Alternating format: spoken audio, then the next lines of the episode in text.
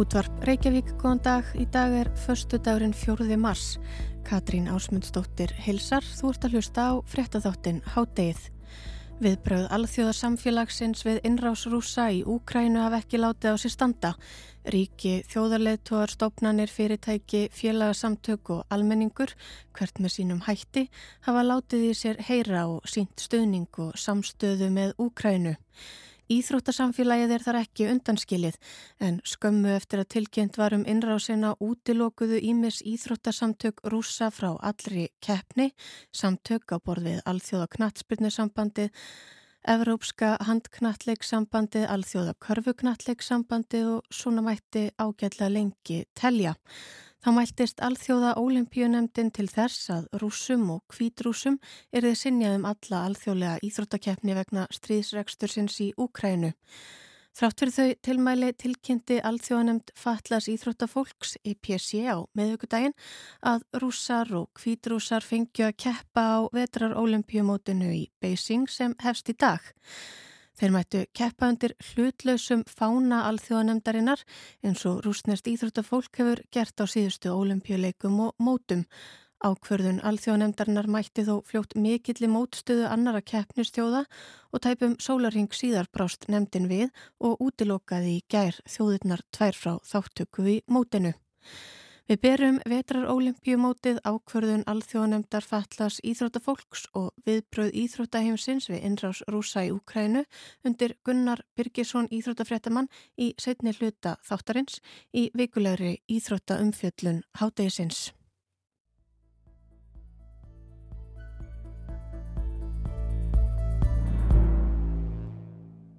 En fyrst er það örskýringi bóði Allafannars Bjarkasonar sem vikulega leytast við að útskýra flókin fyrirbæri á einfaldan hátt hér í hátdeinu. Í dag fjallar hann um upplýsinga óreiðu í kjölfar innrásar rúsa í Úkrænu en á sama tíma á stríð geysar í Úkrænu rússar hafa breytt borgum og bæjum í výgvelli er annað og öðruvísi stríð ef svo má að orði komast háð á internetinu. Svo kallað upplýsingastríðar sem fölskum upplýsingum er komið á framfæri í fjölbreyttum tilgangi. Almenningur sem og fjölmiðlar falla í gildrur sem komið hefur verið fyrir á samfélagsmiðlum en erfitt og flóki getur verið að reyna að sannreina upplýsingar í umferð á netinu um stöðuna og ástandi frá degi til dags í Úkrænu þó einhverjir hafi sem betur fyrr tekið að sér. En hvað er upplýsingarstríð og hvernig er það háð? Hver er tilgangurinn með dreifingu falskra upplýsinga og hvernig komast þær í umferð? Við fáum allafannar til að útskýra það fyrir okkur betur velkomin allir. Hvað segir þau? Takk, já. Þetta er svolítið stórt fyrir öskringu. En, en ég held að svona, það, þetta er, fjalla klífa en við skulum bara demba okkur í það. Við langar að byrja eins á, á grein sem að, sem að Gunnar Holmstedt Ársælsson skrifaði í í, á kjarnan á árið 2018 þar sem hann talaði um að, að nútíma hernaður fel ekki bara í sin nótgun á hefbundum strístólum eins og skótvotnum eða flugvölum og skipum heldur eru tölfur og hugbúnaðar og ekki síst interneti orðin vega mikil þáttur í átökum og styrjöldum. Þessi aðferð rússa að beita í rauninni öllum mögulegum meðalum til að veikja anstæðingin í hernaði, internetunum til jafnsvið herþóttur er, er kölluð Gerasimov kenningin og erum sögð koma frá hersöðingunum Valeri Gerasimov. Og eins og Gunnar Holmstedt bendur á í greinsinni snýst eh, upplýsingahernaðar að miklu leiti um að trubla orkukerfi, viðskipta og fjármálakerfi, fjölmila og fleira. Og sem dæmi þá hafa umfáðsmillar 12 ára sem verið gerðar á nákvæmnaríki Rúslands eins og Ísland, Georgíu og Ukrænu og við frettum síðast af slíkum ára sem á Úkrænu bara um það leiti sem að stríðu hófst í síðustu viku eh, eins og þegar, þegar eins þegar Pútín innlimaði Krímskaga árið 2014 þá hafi svo aðgerð verið svona réttlætt með upplugum áróðveri á, á, á samfélagsmiðlum og ríkisreknum fjölmjölum í Rúslandi Einmitt, ef við förum að stríðinu í Úkrænu hvernig byrtist þetta upplýsingastríð í sambandi við það? Það er alveg með svona já, mjög fjölbreytum, fjölbreytum hætti en rússar hafa þeir hafa haldið alls konar upplýsingum á lofti um strísreksturinn sem sér hefur komið í ljós að standist enga skoðun. Eh, almenningur í Rúslandi og á Vesturlandum hefur, hefur heilt lofurðum að almenni borgara séu ekki skotmark hersins á sama tíma og við heyrum fréttir á mannfalli almenna borgara, svona sem dæmi. Mm -hmm. eh, á samfélagsmiðlum fer upplýsingastriði svo bara í allar áttir. Eh, BBC tók saman nokkrar fulleringar og, og, og leiðréttið þær með hjálp tækninar. Eh, það er til dæmis hægt, að, hægt með því að skoða gögn, svona lísisgögn sem fylgja e, ljósmyndum til að sjá hvar og hvenar það eru teknar.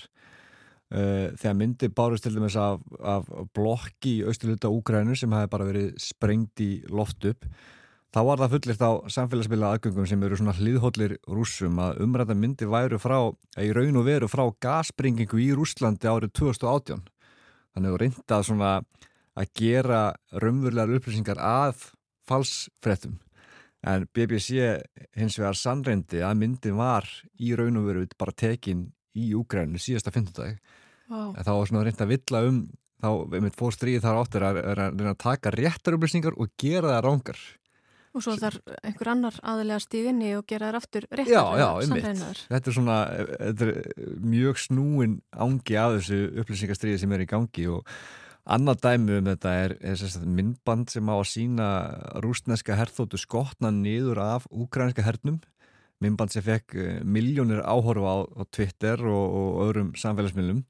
En minnbandi er hins vegar úr tölvuleiknum Arma e, 3 og tengist stríðinni bara í Úkrænu ekki neitt. Vá, tölvuleik. Já, þannig að þetta var bara svona, það eh, sýnir kannski hvað tölvuleikir er orðinir raunverulegir en líka sýnir bara hvernig sko þú tekur efni uh, og setur það í nýtt samingi hvað er, er rauninni auðvelt að blekja fólk mm -hmm. og er rauninni sama hvar fólk stendur þetta, til dæmis þetta til dæmis vimband til mögulega uh, nýst til dæmis rússum í að sína fram á það sem nú verið að ráðast á þá líka eitthvað svo leiðis og svo nýst þeim sem að kannski hafa samu með okkur sem hafa samu með Úgrænu mönnum og, og, og nýst svona til að sína að þeir séu að, að verja sig einhvern veginn. Þannig að veist, maður veit ekki alveg sko, þessi tilgang bara hver tilgangurinn er en hann getur yeah. verið ótrúlega margtættur og í þessari úttækt BBC þá var alveg, var alveg ótrúlega mikið af, af myndum sem að til dæmis bara sína, sína börn vera kveði hermen mm -hmm. og sem að myndir sem að vekja ótrúlega mikla tilfinningar hjá fólki sem að voru svo eh, kannski bara gamla myndir bara frá ekki eins og nýjur úr stríði heldur bara herrmenn að keiri gegnum bæ og, og börn að veifa þeim sko.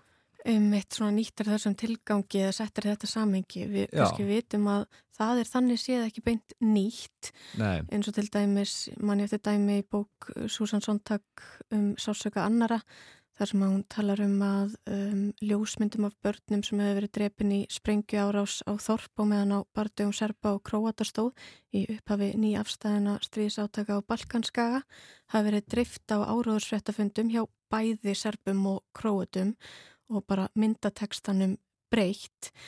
En svo hugsa maður sko tilkoma internetis og samfélagsmiðla hefur eflust ekki hjálpa til Nei. og svo núna er mitt sko þar maður ekki bara varast og reyna að sortira frá alveru upplýsingar frá uh, úr samhengi, hvort það séu í samhengi og staðirinn að þær, heldur svo eitthvað bara óraunverulegt sem er algjör tilbúningur eins og tölvuleikir. Já, tölvuleikur, ymmist og þetta er mjög gott dæmis sem þú segir, bara hvernig það er að nota eina mynd í hvernig, hvernig stríðandi fylkingar geta, geta tilenga sér sömu myndina þess að ná fram sínum markmiðum í þessu upplýsingastríði.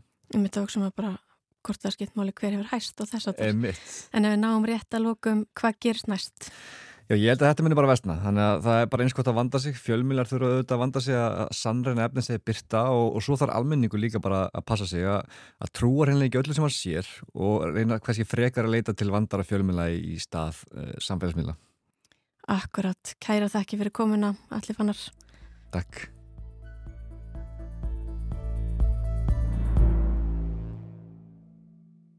Ímis íþróttasamtök og sambönd hafa útiloka rússa frá allri keppni í kjölfar innrásarinnar í Úkrænu. Samtök að borð við alþjóða, evrópska já, og íslenska knatsbyndursambandið, evrópska handknatleiksambandið, alþjóða körfuknatleiksambandið og frjálsviðóttasambandið Og þá hefur alþjóða ólimpíunemdin kallað eftir banni við þáttöku rúsa í allri alþjóðleiri íþróttakefni og í gær tilkynnti svo alþjóðanemd Fatlas íþróttafólks að það er einni gert á vetrarólimpíumótinu sem hefst í dag eða já, hóst núna eiginlega bara rétt í þessu. Þessu utan hafa íþróttaviðbörðir sem áttu að fara fram í Rúslandi verið færðir til, einstaka leikmenn hafa sínt stuðningsin við Úkrænu með einum eða öðrum hætti. Jáfnvel rúsneskir íþróttamenn eins og skákmaðurinn og stórmeistarin Alexander Grísjúk og þá hefur rúsin og miljardamæringurinn Róman Abramovits, eigandi enska knattspinnufélagsins Chelsea ákveða vikja, selja félagið og láta ágóðan renna til fornalamba stríðsins í Úkrænu. Sá hefur oft verið sagður náinn vinur Vladimir Pútins rúslandsfósita en vísar því þó sjálfur á bög.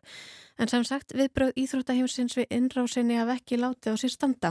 Til að ræða þau og þýðingu þeirra er komin til okkar Gunnar Birgisson, Íþróttafréttamaður. Verður velkomin, Gunnar. Takk fyrir það. Þú kannski kemur ekki oft til okkar að ræða um e, pólitík þó að sé kannski svona óbeint. Já, það, það, það er raun og veru bara svona á setni árum sérstaklega. Þá hefur bara pólitík og íþróttir eh, verið svona enn meira sama sem er ekki þar á milli. Og, og hérna við höfum verið að sjá Já, bara margar stóra hreyfingar annarkvort fá stórt uh, plattform í, í íþróttum eða, eða hérna, eða jafnvel bara verða til í raun og veru í tengsli við íþróttamenn. Og hérna og þetta er í raun og veru bara getur verið svona svolítið tvíegja sverð auðvitað, en, en hérna en ég veist að sé óhjákvæmilegt að, að að blanda já, blanda pólitikinn í, í íþróttir eins og staðan er núna í, í, í Evrópu sérstaklega Einmitt, maður hugsa um það, sko, hvort að þetta sé bara yfir höfuð hægt að taka ekki afstöðu en á sama tíma hugsa maður eiga íþróttafélög að taka afstöðu, geta á íþróttir verið yfir höfuð og pólitískar í dag og svona heldur að þetta skipti máli, hafi áhrif? Já, ég held að þetta hafi klárlega áhrif og hérna, ég, ég held að þetta sé óhjákvæmilegt að, að eins, og við, eins og þú rættir á þann að meina, meina rúsneskum íþróttamönu til dæmis þáttöku á einsum mótum og rúsneskum liðum og annað slikt, ég Ég get ekki séð neina aðra leið heldur en þessa og mm -hmm. þá er oft hinn pótlin ef við tökum hanna þá er það áttu að vera að refsa mm, innan, innan gæsalappa kannski einstaklingum, já, sko, einstaklingum eða, eða, eða í raun og veru saklausum íþróttamönnum ef ef við segjum það að því að við förum svo sem ekki að væna fólkum um skoðanir eða annað slikt en ég tel það vera svona ákveði skref bara til þess einmitt að gera eitthvað annað heldur en að skrifa eina yfirlýsingu þar sem að, að málið er formdæmt og, mm. og þessi innráðs er formdæmt að þá verður að láta knísvöldi fylgja kviði í þessu og, og ég hugsa að uh, það að banna rúsnest íþróttafólk, uh, meina rúsneskum íþróttaliðum keppni og reyna svolítið að bara útloka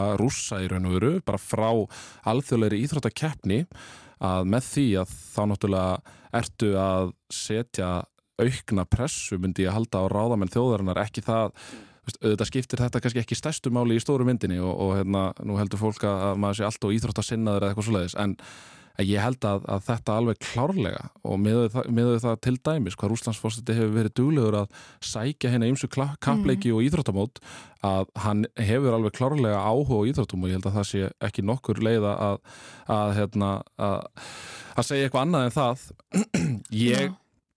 Allt skiptir máli. Allt skiptir máli og til þess að, að svona einhvern veginn, hvað maður að segja, fella kongina þá þarfstu svolítið að vinna þig inn innanfrá og ég held að þetta myndi aukin þrýsting á stjórnlandsins, myndi ég halda. Mm, einmitt og maður er mitt hugsað sko, að, það er mitt, eh, við sáum að uh, Andrú Parssons fórseti alþjóðanemdarinnar, hann sagði á saman tíma og tilkynnt var um að um, rúsar og kvítrúsar fengju ekki keppa á veturólimpíu móti fallast íþróttafólk uh -huh. sem hóstum þetta núna. Uh mhm. -huh.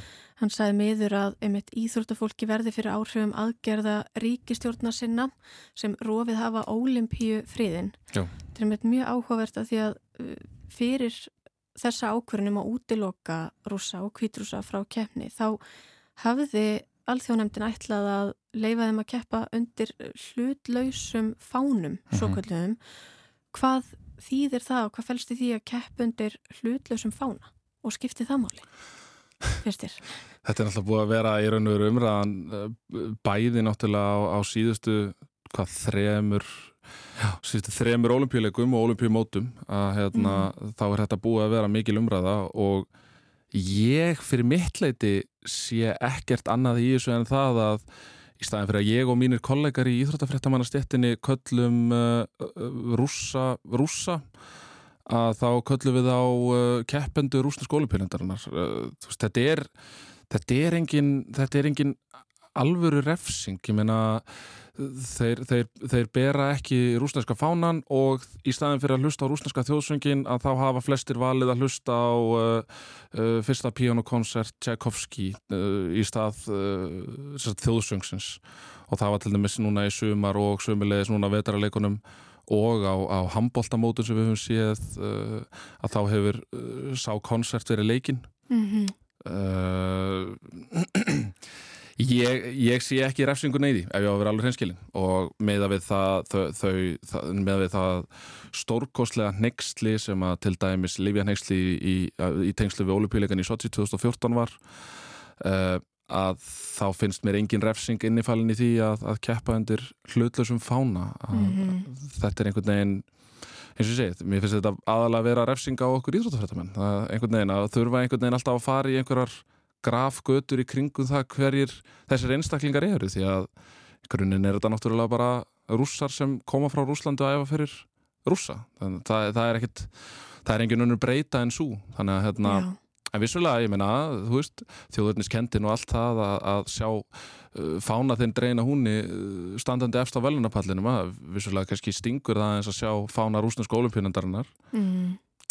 En í stóra saminginu, nei, þá myndi ég nú ekki halda að þetta væri uh, næg refsing vegna Já. þess að að rússar er í raun og veru beintengdir við kannski tvo stærstu uh, viðbörði í tengslu við íþróttir það er að segja annars vegar þessi, þessi innrás og, og svo hins vegar þetta Livjan Hexli mm -hmm. sem er svona, uh, sem við höfum séð bara á setni tímum sko.